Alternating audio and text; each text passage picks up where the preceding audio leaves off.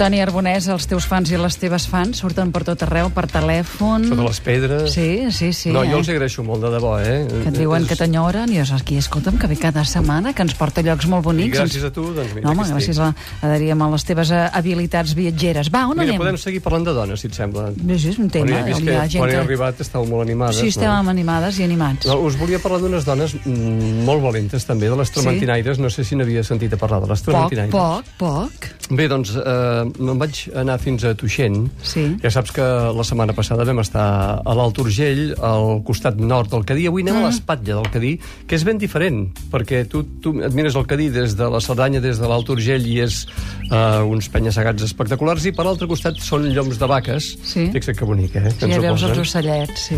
Bé, doncs eh, seguim una carretereta que ens mena fins a Tuixent, que és un poblet molt petitet, amb 60 persones censades aproximadament. Hi ha una formatgeria... Són aquells llocs que provoquen estrès, Estrès de tant de silenci. de tant de silenci. Que dius, per favor, llavors et truques tu al mòbil i comuniques i no sona. Exacte. Bé, no et pots trucar perquè no hi ha cobertura No hi ha en molts cobertura. llocs. Eh? Has de buscar sota l'ombra d'una alzina o això per trobar cobertura. Bé, doncs, eh, d'aquesta, de la vall de l'Avança i de la vall de Tuixent, eh, fins fa relativament poc temps, doncs, hi havia unes dones que eh, elles a si mateixes, l'activitat que feien, doncs, eh, en deien anar pel món. Si bé, a fora de la vall, aquesta activitat es coneixia, o elles mateixes es coneixien com les trementinaires. Va haver-hi una època doncs, que mm, eh, hi havia cases d'aquestes valls que no arribaven a final de mes i les dones, tu, es van Arremangar, i clar, dir, ves què, hem de fer ves alguna cosa. I què van fer aquestes doncs dones? aquestes dones, que eren moltes, moltes dipositàries de coneixements ancestrals, de les herbes, dels bolets, de les diverses substàncies naturals que donava el bosc, doncs van decidir sortir a vendre aquestes substàncies més enllà de fer-ne un ús eh, de tipus familiar. I bé, doncs, eh, eren molt, com et dic, molt coneixedors de totes les plantes i totes les substàncies del bosc. Amb aquestes substàncies s'elaborava la trementina.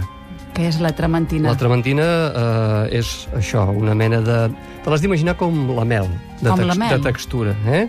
Hauria de ser una bona trementina transparent amb un lleuger color groc i hauria de filar. Quan la boques, quan aboques el pot de, de trementina, hauria de filar com la mel per ser una Mhm. Hauria bona de filar, trementina. que bonica aquesta expressió. Bé, doncs eh, aquestes dones elaboraven aquestes eh, substàncies, recol·lectaven les plantes eh, i eh, les posaven, les, les plantetes les posaven en, en petits mocadors de fer farcell, totes molt endreçades, i a la vegada les posaven en un gran mocador de fer farcells i s'ho penjaven a l'esquena com una motxilla. I les substàncies, com la trementina o com altres olis que portaven, doncs se les penjaven a costat i costat del cos per, per poder caminar eh, de forma equilibrada. Mm -hmm. Bé, aquestes dones, doncs, com deia, eh, sortien i anaven pel món.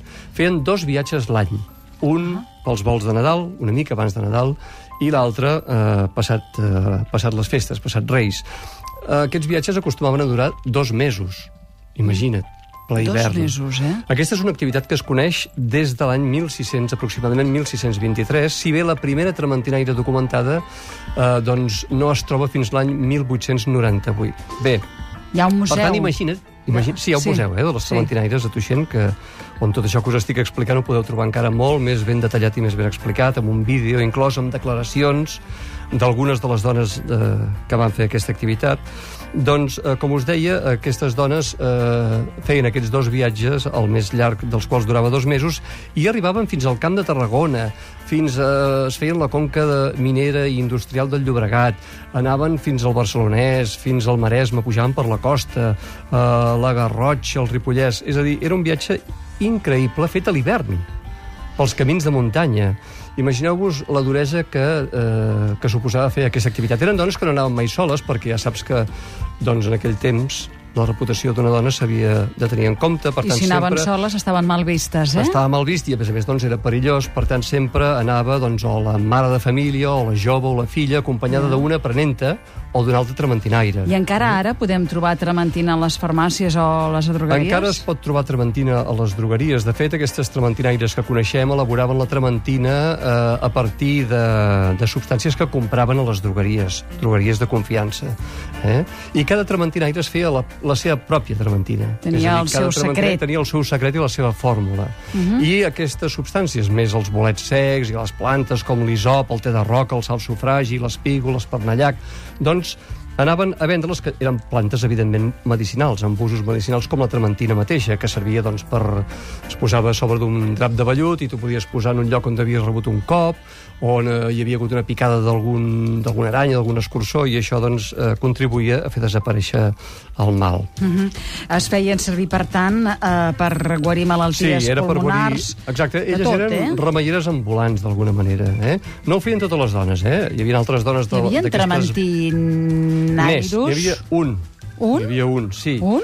Sí, mm, va haver-hi un moment que, doncs ja saps, els canvis econòmics i socials que hi ha periòdicament, en aquest Sí. cas els que hi van haver a la segona meitat del segle XX, van eh, treure sentit a l'ofici de trementinaires. Llavors, sabem que el darrer viatge d'una trementinaire es va fer l'any 1982, era la Sofia Montaner, que va fer aquest darrer viatge d'anar pel món als 74 anys, i amb ella l'acompanyava, cas únic, eh, documentat, el seu marit, que era en Miquel Borrell, en Gorra Tort. Gorra tort. En Gorra Tort. Ja saps Sí, sí, que abans sí, els sí. pobles, bé, i aquí mateix, Tenien un doncs tenies renom. un sobrenom Sí? eh, pel que se'l coneixia. Doncs bé, la Sofia Montaner i en Miquel Borrell van fer aquest darrer viatge de les Trementinaires o del Trementinaire, l'any 82, i malauradament doncs, aquesta activitat va desaparèixer amb aquest viatge. I si aneu aquí al Museu de les Trementinaires de Tuixent, podreu escoltar doncs, els testimonis d'aquestes darreres trementinaires, aquestes dones, aquestes dones valentes que van portar aquesta activitat i aquest coneixement,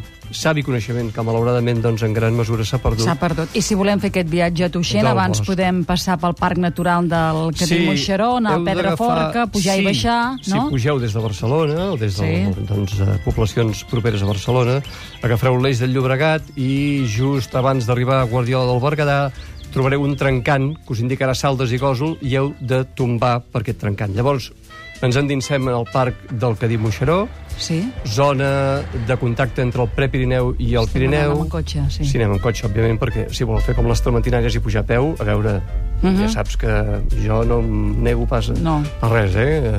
Ja, ja. Les iniciatives que cadascú faci el que considera.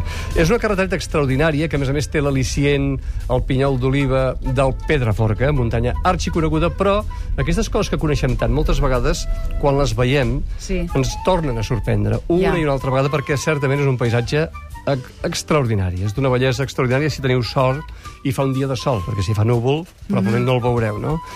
I és a partir d'aquesta carretereta, a través del parc del Cadí Moixeró, doncs que arribareu a Tuixent passant per Saldes, passant per Gòsol Molt bé. i passant per Jos del Cadí, un altre és poblet que que és val molt la preciós. pena. que és Un altre dia hi preciós, anem, eh? sí. Gràcies, Toni Arbonès.